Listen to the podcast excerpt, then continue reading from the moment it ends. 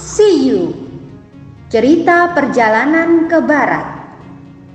Ditulis oleh Wu Cheng En Diterbitkan oleh Buana Sastra. Selamat mendengarkan.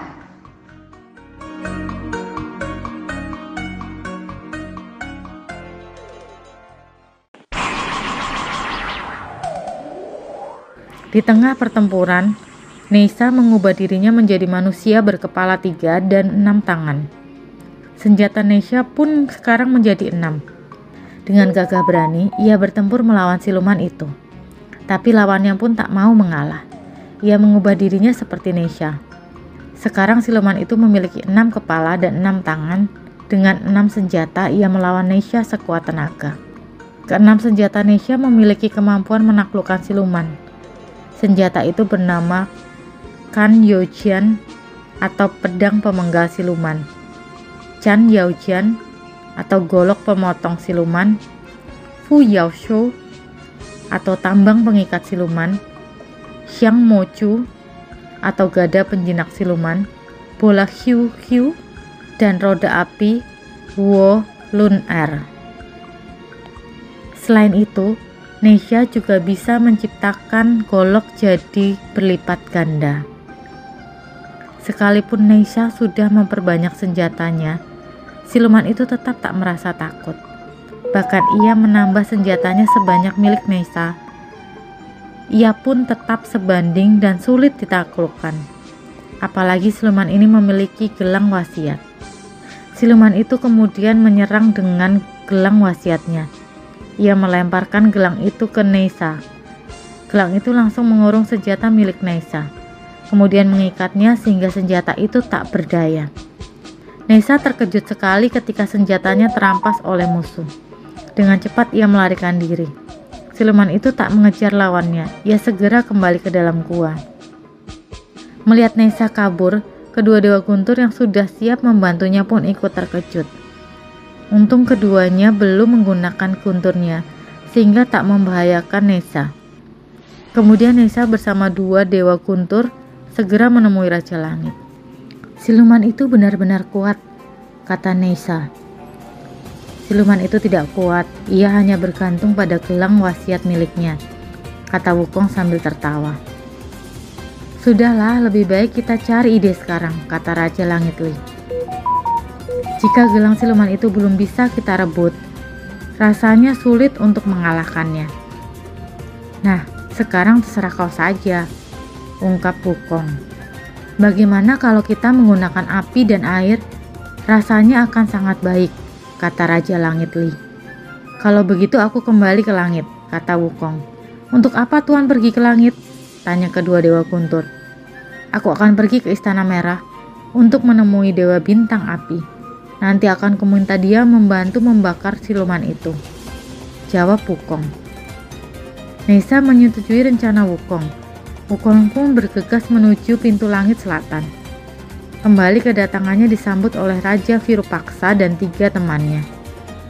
Kau mau ke mana? Tanya Raja Virupaksa. Aku akan ke tempat Dewa Bintang Api untuk meminta bantuannya. Jawab Wukong. Para penjaga segera memberi kabar kepada Dewa Bintang Api. Mendengar Wukong datang, Dewa Bintang Api segera menemui Sun Wukong. Padahal kemarin pun sudah diperiksa, tapi nyatanya di tempat ini tak ada bintang yang hilang menjadi siluman, kata Dewa Bintang Api. Rupanya ia mengira kedatangan Wukong hendak memeriksa di tempatnya lagi. Benar, tapi kedatanganku sekarang bukan untuk memeriksa tempatmu, melainkan untuk meminta bantuan, kata Wukong. Kemudian Wukong mengisahkan pengalamannya ketika menghadapi siluman di Gunung Qingdao. Aku tak bisa menaklukkan siluman yang menculik guruku. Nesa kan sangat kuat. Kalau dia tak sanggup, sudah pasti aku pun tak akan mampu mengalahkan siluman itu, kata Dewa Bintang Api. Aku sudah berunding dengan Raja Langit Li. Menurut kami, api dan air sangat hebat. Jadi aku yakin api bisa membakar gelang wasiatnya, kata Wukong. Kalau begitu ayo kita coba, kata Dewa Bintang Api yang segera bersiap. Lalu mereka pergi bersama ke Gunung Jindau. Setelah sampai, Dewa Bintang Api langsung ke depan gua. Sekarang silakan kau pancing siluman itu. Aku akan menunggu sampai dia keluar dan menggunakan gelang wasiatnya. Saat itulah, aku akan menggunakan api untuk membakar gelangnya, kata Dewa Api. Sun Wukong segera mengangguk, kemudian ia mendekat ke pintu gua. Sekali lagi, Wukong menantang siluman itu agar keluar. Ketika anak buah siluman itu memberitahu rajanya, siluman badak itu langsung muncul di depan gua. Oh, rupanya kau lagi yang datang. Sekarang siapa yang kau undang untuk membantumu? Ejek siluman badak. Sebelum Wukong menjawab, Raja Li langsung menghadapi siluman itu. Hei siluman, tahukah kau siapa diriku? Seru Raja Langit Li. Tentu saja aku tahu. Bukankah kau Raja Langit Li? Ayah Nesa? Oh, tahulah aku sekarang. Rupanya kau hendak membalas sakit hati putramu ya? Kata siluman itu. Atau kau ingin senjata putramu dikembalikan? Benar, pertama aku minta senjata Nesha kau kembalikan. Kedua, aku minta kau membebaskan Biksu Tang bersama muridnya, kata Raja Langit. Siluman itu tak menertawakan perkataan Raja Langit Li. Karena kesal, Raja Langit Li langsung menyerang dengan kesenjatanya. Siluman itu tak mau mengalah. Ia menangkis serangan Raja Langit Li dengan tombaknya. Tak lama pertarungan hebat terjadi. Siluman itu menyerang dengan gagah berani hingga mereka saling serang dan tak mau mengalah. Menyaksikan Raja Langit Li dan siluman bertarung, Sun Wukong melompat jauh ke arah selatan. Bersiap, seru Wukong. Deng Hua serta Zheng Fan pun sudah siap. Kemudian mereka langsung menyerang siluman itu dengan guntur dan kilat. Api segera berkobar dan menyerang ke siluman itu dengan ganas. Namun, sedikit pun siluman itu tak gentar. Ia kembali melempar salah. Ia kembali melemparkan gelang wasiatnya ke angkasa. Ternyata api yang terdiri dari naga api, kuda api, gagak api, tikus api, panah api, semuanya tertangkap oleh gelang siluman itu. Dewa bintang api yang menyaksikan kehebatan gelang wasiat lawan terkejut. Ia termangu sambil memegangi bendera. Kemudian dengan terpaksa ia menarik kembali semua api ciptaannya. Kemudian Raja Li mundur. Rupanya ia ingin berunding dengan Dewa Bintang Api. Apa yang harus kita lakukan sekarang? Kata Dewa Bintang Api yang mulai sadar dan cemas karena lawannya amat kuat. Tenang, kalian tunggu aku di sini. Aku akan pergi dulu, kata Wukong. Mau ke mana kau? Tanya Raja Langit Li.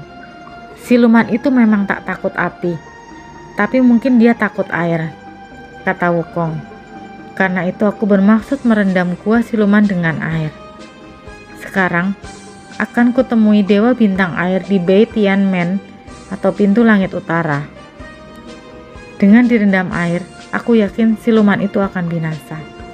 Rencanamu itu bagus, tetapi aku khawatir guru dan saudaramu akan ikut terendam air, kata Raja Langit Li. Kau jangan cemas, seandainya guruku mati, aku sanggup menghidupkannya lagi, kata Wukong. Namun, Raja Langit Li masih tampak ragu-ragu. Sudahlah, jangan khawatir, kita tak boleh buang waktu. Lebih baik aku segera pergi, kata Wukong. Baiklah kalau begitu silakan kau berangkat, kata Dewa Bintang Api. Kemudian dengan cepat Wukong terbang ke angkasa. Tak lama ia sampai di pintu langit utara. Di sana ia disambut oleh Raja Langit Faiz Ravana. Aku hendak menemui Dewa Bintang Air, kata Wukong. Dan Anda sedang apa di sini? Aku sedang berjaga karena hari ini giliranku berjaga. Jawab Raja Langit Faiz Ravana. Tiba-tiba muncul empat dewa lainnya. Setelah Wukong memberi hormat, ia pamit pada mereka dan langsung menemui Dewa Bintang Air. Sampai di istana Wuhao, ia disambut oleh anak buah Dewa Bintang Air. Kemudian, mereka memberitahu Dewa Bintang Air tentang kedatangan Sun Wukong. Dewa Bintang Air segera menyambut kedatangan Wukong. Kemarin ada pemeriksaan di tempatku. Sekarang pun aku sedang mengadakan pemeriksaan yang lebih teliti. Tapi sayangnya belum selesai, kata Dewa Bintang Air kepada Wukong. Jadi bagaimana hasilnya? Tanya Wukong. Sampai saat ini anak buahku tak ada yang hilang, jawab Dewa Bintang Air. Kukira siluman itu bukan siluman air, kata Wukong. Bagaimana kekuatannya? Dia sakti sekali. Wukong mengisahkan usaha mereka menangkap siluman itu dan selalu gagal. Aku berpikir kalau siluman itu tak takut pada api, pasti dia takut pada air. Itu sebabnya aku kemari untuk meminta bantuanmu, kata Wukong mengakhiri kisahnya. Apa yang harus kulakukan? Tanya Dewa Bintang Air. Rendam guanya dengan air. Dengan begitu siluman itu akan mati. Atau paling tidak, dia jadi lebih mudah ditangkap. Jawab Wukong. Dewa Bintang Air menyetujui rencana Wukong. Ia segera memanggil Dewa Sungai Kuning. Tak lama, ia pun datang sambil membawa semangkuk air Sungai Kuning. Silakan Tuan rendam siluman itu dengan semangkuk air ini, kata Dewa Sungai Kuning. Ah, cuma sebesar mangkuk ini. Mana mungkin aku bisa merendam gua siluman itu? Kata Wukong. Jangan mencela dulu.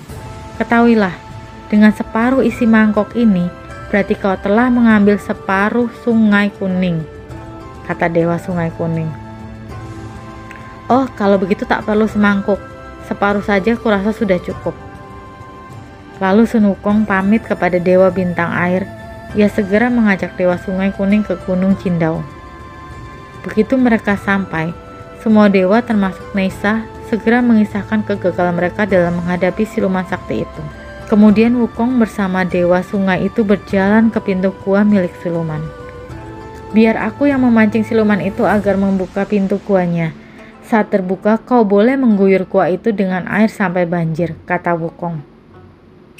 Dewa sungai mengangguk setuju. Sun Wukong lalu berteriak-teriak memanggil siluman. Anak buah siluman yang mendengar teriakan itu segera memberitahu raja tentang kedatangan Wukong. Si kera sakti datang kembali menantang raja. Ah entah minta bantuan kepada siapa lagi si kunyuk itu, kata siluman itu. Ia langsung mengambil senjatanya, lalu keluar untuk menghadapi Wukong. Setibanya di depan pintu, ia memerintahkan anak buahnya membuka pintu gua. Tapi baru saja pintu gua terbuka, Dewa Sungai langsung menyiramkan air dari mangkuk yang dibawanya. Tanpa ampun lagi, air bah pun masuk ke gua. Namun, siluman ini sedikit pun tak takut. Dengan cepat ia menggunakan gelang wasiatnya. Ajaib, air itu tidak masuk ke gua, tapi justru kembali keluar kalau saja Wukong dan Dewa Sungai itu tak segera menghindar, mereka tentu akan terhajar air. Para dewa pun segera terbang ke angkasa. Dari udara mereka menyaksikan genangan air yang hebat. Oh celaka, seru Wukong. Jika air makin meluap, pasti penduduk di sekitar sini akan mendapat bencana. Cepat tarik airmu kembali. Dewa Sungai Kuning menurut. Tetapi ia tak sanggup mengendalikan air yang disiramkan dari mangkuk wasiatnya. Maaf Tuan, ternyata aku cuma bisa menyiramkan air tanpa menariknya kembali, kata Dewa Sungai. Ketika Wukong dan Angkatan Perang Langit sibuk menghadapi air itu, para siluman di depan gua justru meledeknya. Mereka keluar beramai-ramai, lalu berlatih perang, seolah tidak terjadi apa-apa. Melihat hal itu, Sun Wukong marah bukan main. Ia langsung menyerang mereka dengan tangan kosong. Serangan dadakan itu membuat anak buah siluman terkejut. Mereka melemparkan semua senjata, lalu berlarian masuk ke gua. Di dalam gua mereka melapor pada raja bahwa Sun Wukong datang mengamuk. Siluman itu marah sekali. Ia pun keluar dari guanya. Padahal kau sudah melepas api dan air tanpa berhasil. Kenapa sekarang kau datang lagi? Apa kau ingin mati? Kata siluman itu dengan pongahnya. Apa? Eh, jangan bicara seenaknya. Dengar, bukan aku yang akan mati, tapi kau seru Wukong. Siluman itu tertawa mendengar ucapan Wukong. Kunyuk, sungguh berani kau, kata siluman itu. Yah, karena kau tidak bersenjata, baiklah, akan kubuang senjataku. Lebih baik kau kuladeni dengan tangan kosong. Siluman itu langsung menyerbu Wukong dengan tangan kosong. Dengan cepat Wukong menangkis serangan lawannya, hingga terjadi perkelahian tanpa senjata. Mereka saling serang dan tak ada satupun yang mau mengalah. Tampaknya mereka sebanding dan sama-sama kuat. Raja Langit Li bersama anak buahnya kagum menyaksikan pertempuran Wukong dan siluman itu. Mereka bersorak dan memuji kekuatan siluman dan Wukong. Wukong tampaknya tak dapat segera mengalahkan lawannya. Diam-diam Raja Langit Li dan anak buahnya maju membantu Wukong. Di pihak siluman, anak buahnya pun bersiaga ketika melihat anak buah Raja Langit Li akan membantu Sun Wukong. Diam-diam Wukong mencabut selembar bulunya Lalu ia menciptakannya menjadi Sun Wukong sebanyak kurang lebih 50 tirukan. Sun Wukong tiruan ini langsung mengepung siluman. Mereka beramai-ramai menyerbu. Ada yang menarik kaki, tangan, dan sebagainya. Bahkan ada pula kera tiruan yang menyakar mata siluman itu. Karena tak tahan oleh kepungan musuh, siluman itu kembali mengeluarkan gelang wasiatnya. Ternyata gelang itu sangat hebat. Kera ciptaan Wukong dapat ditawan semuanya. Untung saja Sun Wukong sempat kabur. Melihat musuhnya kabur, siluman itu kembali masuk ke guanya. Kemudian mereka mengadakan pesta kemenangan. Wukong kembali berunding dengan angkatan perang langit. Nesa dan Raja Li memuji kehebatan Sun Wukong. Siluman itu hampir kalah olehmu. Kau memang hebat, kata Nesa. Melawan siluman itu tidak sulit. Yang aku takutkan justru gelang wasiatnya, ucap Wukong.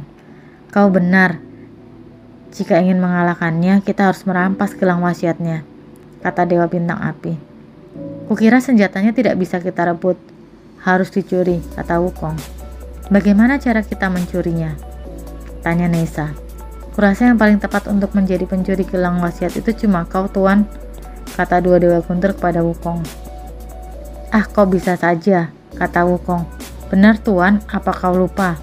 Dulu kau pernah mencuri buah persik dan obat milik Dewa Lausi di langit. Kata Sang Fan.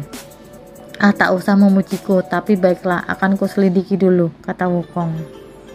Sun Wukong segera melompat ke pintu gua, lalu mengubah dirinya menjadi seekor lalat. Dari celah pintu, ia masuk ke gua. Di dalam, ia melihat semua siluman sedang bergembira karena kemenangan mereka. Saat itu Raja Siluman sedang duduk menyantap daging menjangan ular, dan lainnya. Diam-diam Sun Wukong mengubah dirinya menjadi anak buah siluman, lalu membaur di antara mereka. Ia mencoba mendekati meja makan siluman itu, lalu mencari tempat penyimpanan gelang wasiat. Tapi usahanya gagal. Ia tak juga menemukan tempat penyimpanan gelang wasiat milik siluman itu. Karena tak berhasil menemukan tempat penyimpanan gelang wasiat, Wukong yang menyamar jadi anak buah siluman lalu pergi ke belakang gua. Di sana ia mendengar suara berisik dari anak buah Dewa Bintang Api yang tertawan. Ketika sedang mencari sumber suara itu, ia girang bukan main. Dilihatnya toya jingubanya tergantung di dinding gua. Tanpa pikir panjang lagi, ia segera mengubah diri ke bentuk asal dan mengambil toyanya. Setelah itu, ia langsung lari ke pintu gua dan keluar dari sana.